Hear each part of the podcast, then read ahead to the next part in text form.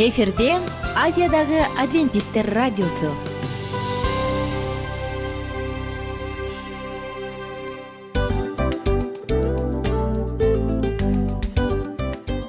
Достор салют. Баардык сүйүктүү угармандарыбызга салам айтабыз. Кутман күнүңүздөр менен.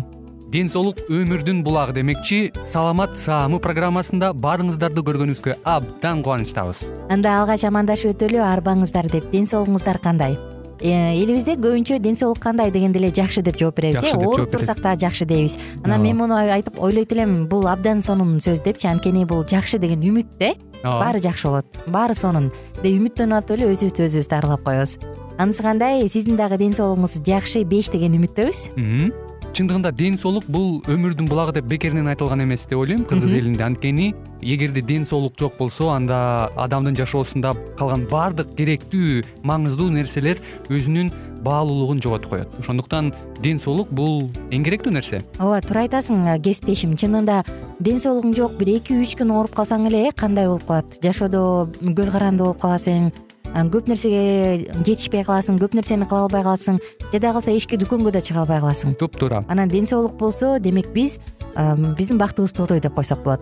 Анда достор саламат саамы рубрикабызды баштайлы. Алдыда өзүңүзгө керектүү болгон сонун кеңештерди уга аласыздар. Мына ошондуктан биз менен бирге болуңуздар. Ал эми биз болсо милан жана айнура. Кеттик алга. Алга саламат саама ден соолуктун жарчысы. Саламат саама ден соолуктун ачкычы. Күн сайын сиз үчүн мыкты кеңештер сонун жаңылыктар кызыктуу фактылар. Биздин рубрикада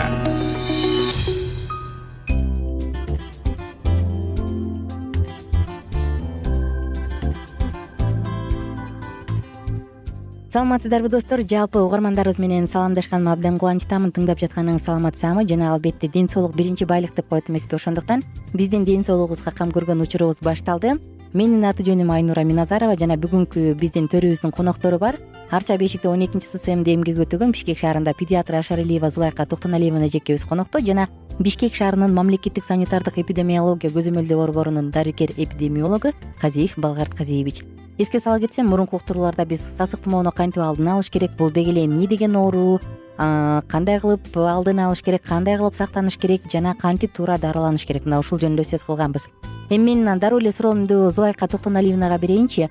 Кээ бир апалар баягы үйдө бутун ысык муздак суга салып парить этип бутун ысык суга салып же чүмкөнүп алып туруп оозун парить этип бууга буулантып анан дарыланышат эмеспи? Бул туурабы негизи? Сасык тумоо учурунда жардам береби же бул мындай эффективсиз элеби? Эми сасык тумоо убагында э, адамдын организминдеги дени табы көтөрүлүп турат да э, ушул убакта ысык сууга бутун салып чүмкөнүп э, бул бирок сасык тумоонун баарында эле дене тап болбойт да. Туурабы э кээ бир учурларда температурасы себеби болот. Эгерде ошол кишинин деми дем алышы кыйын болуп какырыкты чыгара албай кыйналса жөтөл болсо жөтөл болуп э, ошол убакта ошондой процедураны колдонсо болот. А эгерде жөнөкөй эле температура болуп жөнөкөй эле мындай жеңил эле сухой кашель деп коебуз ошондой болуп турган убакта андай процедураны колдонгонго болбойт. Анткени дененин табын ого бетер көтөрүп бала же адам кыйналып калат. Жакшы биз мурунку уктурууларыбызда айтып өткөнбүз симптомдуу түрдө дарыласа болобу болбойбу деп. Анан э, биздин менин конокторумдун кеңеши болду. Дароо эле доктурду көздөй баргыла деп э. Туура кеңешпи дароо эле доктурду көздөй баргыла ал алар болсо грипптин бул сасык тумоонун кайсы түрү экенин айтат деп. Мен азыр ойлонуп турам бул суроого токтолсокпу же токтолбой эле койсокпу деп ойлонуп турам бирок баары бир эжекебизден сурагым келип атат. Ана грипп анан жана башка деп сасык тумоонун өзүнүн эле түрлөрү бар эмеспи ооруп эмес сасык тумоонун өзүнүн түрлөрүчү.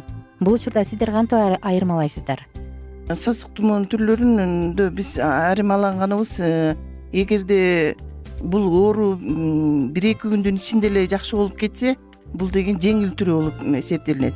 А эгерде жөтөл э, көбүрөөк болуп температура дагы үч күндөн э, ашып андай боло турган болсо муну биз жанагындай орточо же средний тяжелая форма деп коебуз.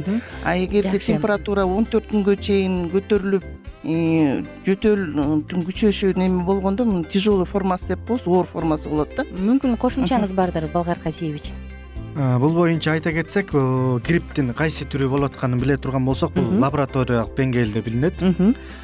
Бул анализди лабораторияга алышат. Эмнесинен анализ алат? Канданбы мочаданбы мазоктон алышат мазок алышат тамагынан алышат. Ошондон билинет. Бияктан аш три э, аш один э, анан грипп а грипп б дегенин ошол лаборатория гана аныктайт. Ошонун негизинде гана биз Э, бул аш а аш три же болбосо аш один жүрүп атканын биле алабыз. Мисалы мен бардым деп коеюн да дарыгергечи менде бир гана жөтөл бар бирок менди грипп деп атасың. Мен ошол симптомдорунан улам сени мондай дарылаш керек деп айта алышабы сиз мисалы бардыңыз сиз чүчкүрүк температура болуп бардыңыз бирок сизде жөтөл жок. Э, ушундай учурлар мисалы бирок жалпы эле булар сасык тумоо деп коюшат да мындай дарылоонун бир ыкмалары барбы сени мындай дарылаш керек сени мындай дарылаш керек деп же бул учурда жөн гана симптомдуу түрдө дарыланабы? Мен ошон үчүн жантан бери эмнеге симптомдуу деп атам ошондон улам билейин деп атам да ушуга жооп алгым келип турат. Же сасык тумоо негизи жалпысынан жок сен кайнак суу ич үйдөн чыкпа пияз же деп эле коесуздарбы же кандай болот бул боюнча айта кетсек инфекционный больницада инфекционный врачтар жана айтып өткөндөй эле толук маалымат беришет. Эгерде чүчкүрү жок э, жөтөлбөй эле э, өпкөсүн тыңшап көрөт деп атам өпкөсүнө өтүп кетсе бул пневмония деп коет баягы тыңшап көргөндө. өтпөй эле жакшынакай эле бирок жөтөлүп атат. Жөтөлүп атса анда тамак оорунун лечение фарингит ларингит дегендер тамак оору лечениясын тамагын чайкап фрацелин менен же болбосо туздуу суу менен же болбосо сода кошулган бир чыйын сууга бир э, чай кашык кошуп алып ошо менен дагы үй бүлөлүк үйдүк деңгээлде тазаласа болот үчөөнү менен. Андан тышкары тамак аябай кызарса стрептоцит деген болот. Ошолорду майдалап кашыкка демек симптомдуу түрдө дарыланат. Симптомдуу түрдө ошолор менен дарыланат. Анан сразу эле ооба менин алайын деген жообум ушул болчу. Эми э, сасык тумоо менен ооруган адам канча убакка чейин ошол вирусту алып жүрөт? Мисалы төрт беш күн болду айыкты андан кийин да алып жүрөбү же айыкты болду демек анда бул вирус жокпу бул жана айтып өттүм го э, бул а б аш один аш два деп период деп коет эмеспи эгерде адам аш один менен ооруса ал кайра иммунитети устойчивый деп коебуз иммунитети күчтүү болуп калат дагы ал аш один менен кайра ал какой то бир инкубационный периодко чейин бир үч төрт айга оорубайт. Демек иммунитет иштелип чыгат. иммунитет иштелип чыгат. Жанагы айтып коебуз го жанагы ветренный оспа депчи. Ооба. Ошондой эле бул дагы аш один менен кайра оорубайт. Бул кайра грипп болуп ооруп калдым мен анан жана вакцинация слабый окшойт дейт го. Ал аш два менен ооруп калышы мүмкүн да. башка түрү менен. Башка түрү менен грипптин көп түрлөрү бар. Анын анча мынча түрлөрү эле биз эме кылбасак э, көп түрү бар. Ошонун улам бир түрү менен ооруй бериши мүмкүн. Мүмкүн эже сизде бардыр кошумча эми бул грипптин кайра ооруп калышы бул адамдын организминдеги иммунитеттен да көп зависить этет да. Эгерде адамдын иммунитети күчтүү болсо ошол вирусту жеңет. Э, кайра оорубай калышы да мүмкүн да. Если иммунитет слабый болуп ошол моментте адам өзүн жакшы карабай гриппай бул эмне жөнөкөй эле бир неме да дегенсип жакшы көңүл бурбай койсо кайра ооруп калышы да мүмкүн да. Мен ойлодум эле бул уктурууда биз коштошобуз деп. Бирок менде дагы бир суроо бар сиздерге алдыда берейин. Байке. Балгат касиевич айтайын деген оюңуз бар окшойт. Айтайын деген оюм жана үйдөн чыйрыгып температура болуп баштайт го. Ошондо температуранын дарысын ичет дарысанын дарыларын парацетамолду ичкенде дагы эле түшпөй атса жана айтып өткөндөй эле баягы элдик ыкма деп коет.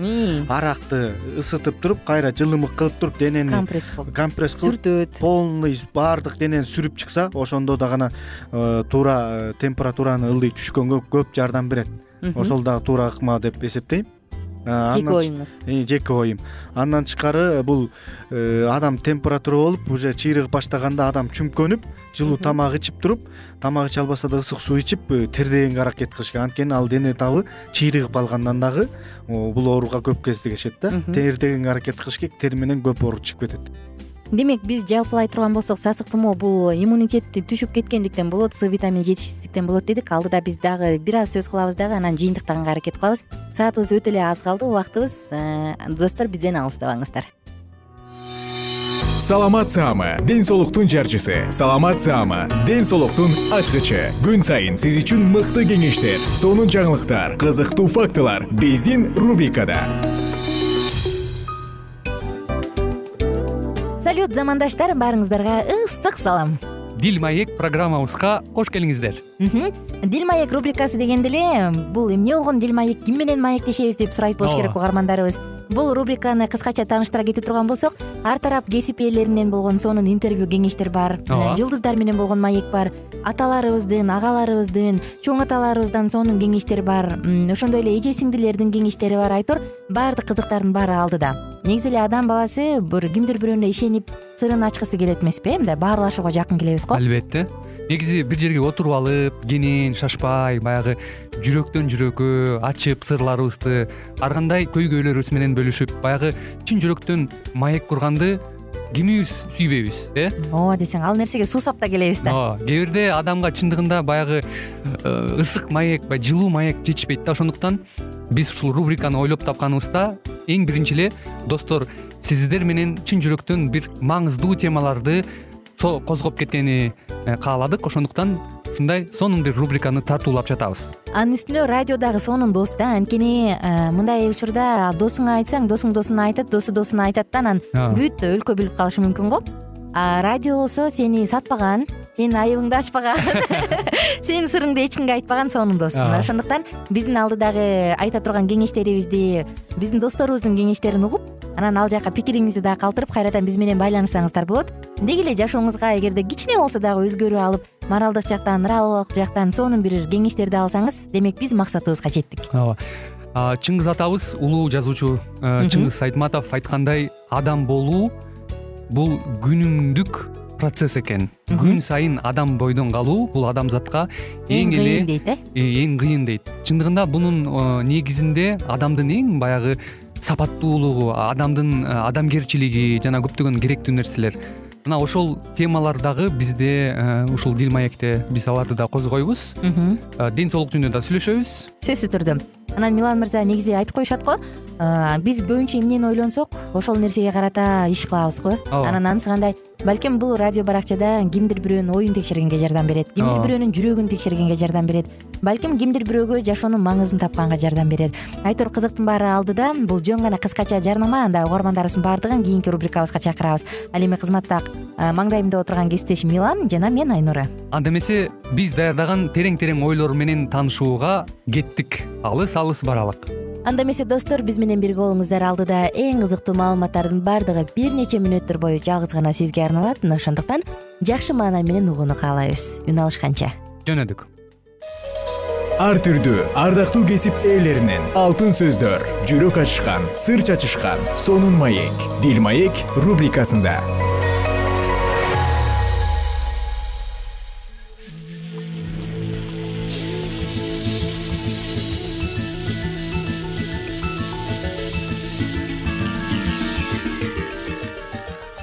саламатсызбы урматтуу угарманыбыз. Кайрадан эле сиздердин назарыңыздарда бактылуу никенин баалуу эрежелери аттуу берүүбүздү баштайбыз. Бүгүнкү программабыздын чыгарылышында биз сиздер менен бала тарбиялоо жаатында ата эне бул үлгү деген аталыштагы темабыз менен маек курмакчыбыз. Андыктан биздин ободон алыстабай дал ушул мүнөттөрдө биз менен бирге болуңуз. Балдарына үлгү көрсөткөн ата эне үйрөткөнүнө ылайык жашайт. Мисалы бирөө эшикти такылдатканда аны менен сүйлөшкүңөр келбей мени жок деп койчу деп айтканыңарды балаңар угуп калса анын чынчыл болуп чоңоеру күмөн. Көптөрү айтканымды кыл кылганымды кылба дешет. Бирок балдарга ушинтип айтуу жакшы натыйжа бербейт. Алар губкага окшоп ар бир сөзүбүздү ар бир ишибизди сиңирип алат.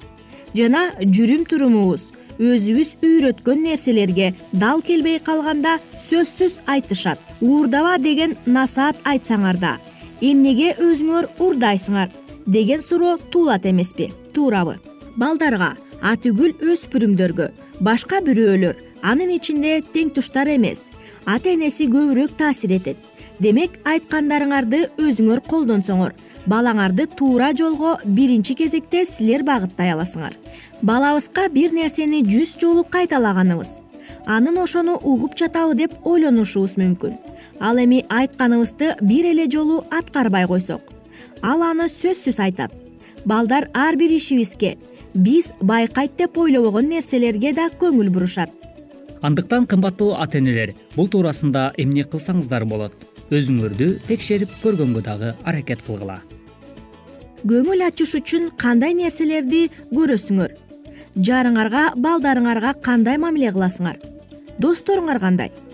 Башкалардын камын ойлойсуңарбы кыскасы айтканда балаңарды кандай адам болушун кааласаңар өзүңөр да ошондой болушуңар керек. Жолдошум экөөбүз өзүбүз карманбаган нормаларды балдарыбыздан талап кылбайбыз дейт үч баланын энеси атыркүл. Андыктан кадырман радио угармандарыбыз бул туурасында дагы сиздер балдарыңыздардан кечирим сураганга аракеттенсеңиз болот экен. Балаңар силердин жеткилең эмес экениңерди билет. Туура эмес кылганыңарда жубайыңардан балаңардан кечирим сурасаңар чынчыл жана момун болуу жагынан сонун үлгү көрсөтөсүңөр. Балдарыбыз ката кетиргенибизди мойнубузга алып кечирим сураганыбызды угушу керек. Антпесек туура эмес ишин жашырганды үйрөнүп алышат. Биз ата энелер балдарыбызга зор таасир этебиз. Үлгүбүз аябай күчтүү курал болуп эсептелет. Себеби алар аны баардык учурда көрүшөт. Ал дайыма ачылып турган китепке окшош балдарыбыз аны көрүп дайыма бир нерсеге үйрөнө беришет. Андыктан урматтуу ата энелер даанышмандык менен айтылган кеңештерди балдарыңарга бергенге жана үйрөткөнгө аракет кылганыңыз абдан маанилүү болуп эсептелинет экен демек бул нерселерди дагы көңүл чордондо калтырбаңыз. Өз учурунда сулайман аттуу падыша мындай деген экен. Акылдуулар менен достошкон адам акылдуу болот дептир. Андыктан бул сөздүн өзүндө калет жок чоңоюп калса да балаңар силер менен убакыт өткөрүүнүн аркасында көп нерсени үйрөнөт. Андыктан аларга мыкты үлгү көрсөткүлө. Балдар үчүн ата энеси гана мыкты үлгү боло алат. Балдар ата энесин баалап барктоого урматтап сыйлоого үйрөнсө аларга окшош болуп чоңойгусу келет. Ошондуктан урматтуу ата энелер сиздердин оюңуздар дагы абдан маанилүү балдар көп учурда жашоодо топтогон аз таажрыйбасына жетеленип чечим чыгаргандыктан каргашага кабылышы мүмкүн. Ал эми ата энеси жетекчилик берип турса жагдайда ар тараптуу карап туура чечим чыгара алышат. Силерге жакпаса да балаңар кызыккан нерселерди кылгыла алар менен убакыт өткөрүүдөн кубаныч алгыла. Балаңар силерге ишеним арта алгандай болсун аларга жакшы үлгү көрсөткүлө балаңар силердин алардын жыргалчылыгын ойлооруңарды сезгидей болушу керек.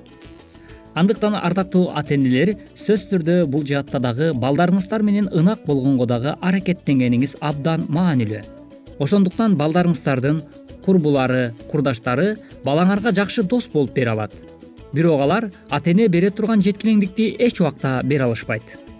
Балаңарга ар кандай курактагылар менен достошконго жардам бергиле өзү теңдүүлөр менен достошкону аларга башкалар менен тил табышканга жардам берет. Бирок жетилиш үчүн алардын ар кандай курактагылар менен дос болгону жакшы. Балдар зарыл кеп кеңешти жетекчиликти курбу курдаштарынан ала албайт ошондой эле эң жакшы бир ыкмалардын бири болуп бул балдардын ички сезимдерин э, жөнгө салууга үйрөтүү дагы абзел болуп саналат экен. Андыктан бул маселени дагы эч убакта көңүл чордондо калтырбаңыз. Келиңиздер анда биз дал ушул э, балдардын ички сезимдерин өздөрүн өздөрүн контролдогонго кандай ыкмаларды колдонууга үйрөтүшүбүз керек? Ушул туурасында дагы бир нече кеңештерге назарыңызды оодарабыз ички сезимдерин контролдоону үйрөнүү ар бир адамдын ичинде энергия бар. Балдарда бул энергия өтө көп жана алар энергиясын кантип колдонууну билишпейт. Ошондуктан бир эле убакта баардык нерсени билүү үйрөнүүгө ээ болуу жана башканы кылышат. Бирок бул мүмкүн эмес. Мүмкүн кылууга аракеттенүү да туура эмес. Бир нерсеге канчалык көп көңүл бура алсак ошол ишке ошончолук көп энергия жумшай алабыз башкача айтканда ички сезимдерибизди канчалык контролдой алсак ошончолук ар бир нерсеге көңүл бура алабыз ойду бир жерге топтоо үйрөнүүнүн негизи болуп эсептелет. Ошондуктан жаш балдарга ички сезимдерин контролдоону үйрөтүү керек.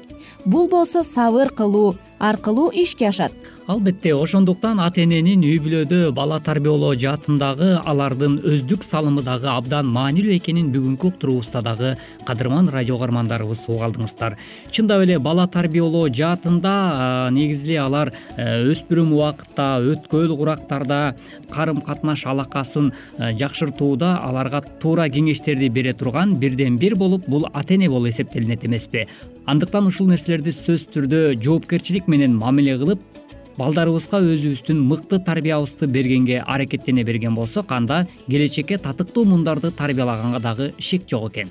Урматтуу угармандарыбыз ушуну менен бизге бөлүнгөн убактыбыз дагы өз соңуна келип жетти. Кайрадан эле биз сиздер менен бактылуу никенин баалуу эрежелери аттуу программабызда кезишкенче ар бириңиздердин үй бүлөңүздөргө амандык тилемекчибиз. Кайрадан ободон үн алышканча сак саламатта болуңуз ар түрдүү ардактуу кесип ээлеринен. Алтын сөздөр жүрөк ачышкан сыр чачышкан сонун маек. Дил маек рубрикасында. Жан дүйнөңдү байыткан жүрөгүңдү азыктанткан жашооңо маңыз тартуулаган жан азык рубрикасы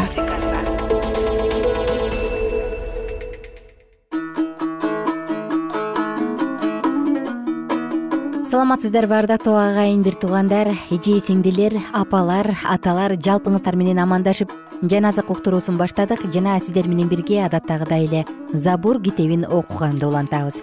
Биз менен бирге болуңуздар. Алдыдагы мүнөттөр эң жагымдуу мүнөттөр болсун. Кырк биринчи забур. Ырчылар тобунун башчысына корактын уулдарынын үйрөтүүсү. Бугу тунук суунун башатын эңсегендей менин жаным да эңсейт сени кудайым. Менин жаным күчтүү. Тирүү кудайды каалайт. Кудайдын алдына качан барып турам?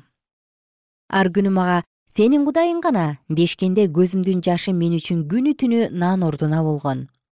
Ал жөнүндө эстеп ички сырымды айтып жатам. Анткени мен көп эл менен майрамдап жаткан топ эл менен бирге кудайды даңктап кудайдын үйүнө кубаныч менен кирчү элем жаным эмнеге чөгүп эмнеге онтуп жатасың?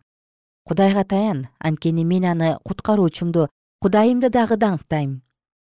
Жаным кыйналып мен сени иордан жеринен хермондон митсар тоосунан эстеп жатам. Сенин шаркыратмаларыңдын үнү менен туңгуюк туңгуюкту чакырат. Сенин бардык сууларың менен толкундарың үстүмдөн өттү. Күндүз теңир өзүнүн майрамын көрсөтөт. Түн ичинде мен ага ырырнаймын өмүрүмдүн кудайына сыйынамын. Өзүмдүн коргоочума кудайыма мындай деп айтам. Эмне үчүн мени унуттуң эмне үчүн мен душмандарыма кордолуп кыйналып жүрөм? Душмандарым мени шылдыңдап күн сайын мага кудайың гана? деп айтышканда сөөктөрүмдү сындырып жатышкансыйт жаным эмнеге чөгүп эмнеге онтуп жатасың? Кудайга таян анткени мен аны куткаруучумду кудайымды дагы даңктайм кырк экинчи забур. Мага акыйкатты кыл кудайым. Кара ниет эл менен болгон ишиме кийлигиш мени адилетсиз амалкөө адамдан куткар. Анткени сен мага күч бере турган кудайсың. Эмнеге сен мени таштап салдың? Эмне үчүн мен душмандарыма кордолуп кыйналып жүрөм? Өз жарыгың менен чындыгыңды жибер. Алар мени жетектеп сенин ыйык тооңо сен жашаган жерге алып барышсын. Ошондо мен кудайдын курмандык чалынуучу жайына мага кубаныч шаттык берген кудайыма келем. Гусли чертип сени даңктайм кудай менин кудайым. Жаным эмнеге чөгүп эмнеге онтуп жатасың? Кудайга таян. Анткени мен аны куткаруучумду кудайымды дагы даңктайм. Кырк үчүнчү забур ырчылар тобунун башчысына корактын уулдарынын үйрөтүүсү. Кудай сенин мурунку заманда ата бабаларыбыздын убагында эмне кылганыңды бизге ата бабаларыбыз айтып беришкен. Биз өз кулагыбыз менен укканбыз. Сен өз колуң менен элдерди талкаладың аларды болсо жайгаштырдың урууларды талкалап кууп чыгардың. Анткени алар жерге өз кылычы менен ээ болушкан жок. Аларды өздөрүнүн күчү куткарган жок. Тескерисинче аларды сенин оң колуң сенин күчүң сенин жүзүңдүн жарыгы куткарды. Анткени сен аларга ырайым кылдың. Кудайым сен өзүң менин падышамсың жакыпты куткар. Биз сени менен душмандарыбызды сүзөбүз. Сенин ысымың менен бизге каршы чыккандарды тебелейбиз. Анткени мен өзүмдүн жаама да таянбайм. Мени кылычым да куткарбайт. Бирок сен бизди душмандарыбыздан куткарасың бизди жек көргөндөрдү уят кыласың. Кудайды күн сайын мактайбыз. Сенин ысымыңды түбөлүк даңктайбыз бирок сен азыр бизди таштап койдуң уятка калтырдың. Биздин аскерлер менен бирге чыкпай жатасың. Бизди душмандарыбыздан качууга мажбур кылдың. Жек көргөндөр бизди талап тонуп жатышат. Бизди койлордой кылып жеш үчүн салып бердиң. Бизди элдер арасына чачып жибердиң. Өз элиңди өтө арзан сатып жибердиң. Анын баасын көтөргөн жоксуң. Бизди коңшуларыбызга шылдың кылдырдың тегерегибизде жашагандарга күлкү кылдың кордоттуң. Сен бизди эл арасында ылакап кылдың. Бөтөн элдер баштарын чайкап бизди күлкү кылышат. Күн сайын шылдың болом. Уялганымдан бетим кызарат. Кордоочулар менен ушакчылардын сөздөрүнөн душмандарым менен өч алуучулардын көздөрүнөн уялганымдан бетим кызарат. Ушунун баары башыбызга түштү бирок биз сени унуткан жокпуз. Сенин келишимиңди бузган жокпуз сен бизди чөйлөр жашаган жерде талкалаганда бизге өлүм көлөкөсүн түшүргөндө жүрөгүбүз артка бурулган жок буттарыбыз сенин жолуңдан чыккан жок. Эгерде биз өз кудайыбыздын ысымын унутуп койсок колубузду башка кудайга сунсак кудай бизди ушул үчүн жазалабай коймок беле? Анткени ал жүрөктөгү сырларды билет. Сен үчүн бизди күн сайын өлтүрүп жатышат. Биз алар үчүн мууздала турган койлор сыяктуубуз. Ордуңан тур теңир. Эмнеге уктап жатасың ойгон бизден биротоло баш тартып кетпе. Эмне үчүн сен бизден өз жүзүңдү жашырып жатасың? Эмне үчүн биздин кайгыбызды эзилгенибизди унутуп жатасың? Анткени биздин жаныбыз топурактай тебеленди ичибиз топуракка жабышып калды. Бизге жардамга кел. Өз ырайымың үчүн бизди куткар. Кырк төртүнчү забур. Ырчылар тобунун башчысына шошаним күү асбабы менен корактын уулдарынын үйрөтүүсү. Сүйүү ыры.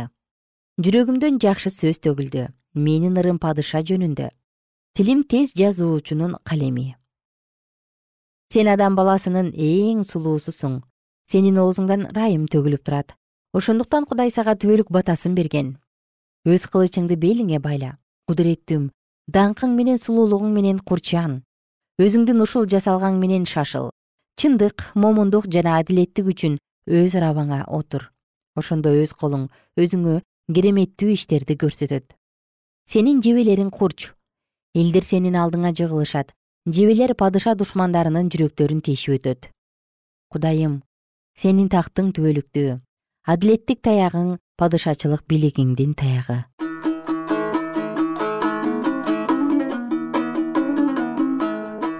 кымбаттуу угарман сиздер менен бүгүн дагы забур китебинен сонун үзүндүнү окудук. Убактылуу гана коштошобуз кийинки уктурууда бул учурду бул забурду андан ары улантабыз ошондуктан биз менен бирге болуңуздар.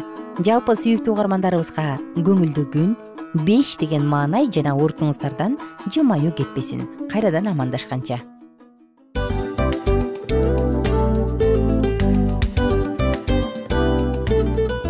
ушул менен достор программабыздын уктуруубуздун эң кайгылуу мөөнөтүнө келип жеттик. Кайгылуу дегенде ыйлагым келип кетти кесиптеш. Кадимкидей. Анткени баягы учурашасың анан коштошуу учур келгенде ии кантип ии эми бат баттан келиптир э сагындырбай деп атып араң коштошобуз го анысы кандай угармандарыбыз менен коштошчу учур келди кийинки уктурууларды сагыныч менен жүрөгүбүздө кусалык менен күтөбүз жалпыңыздарды. Анан жарым сааттык уктуруу көз ачып жумганча өтүп кетти. Сөзсүз.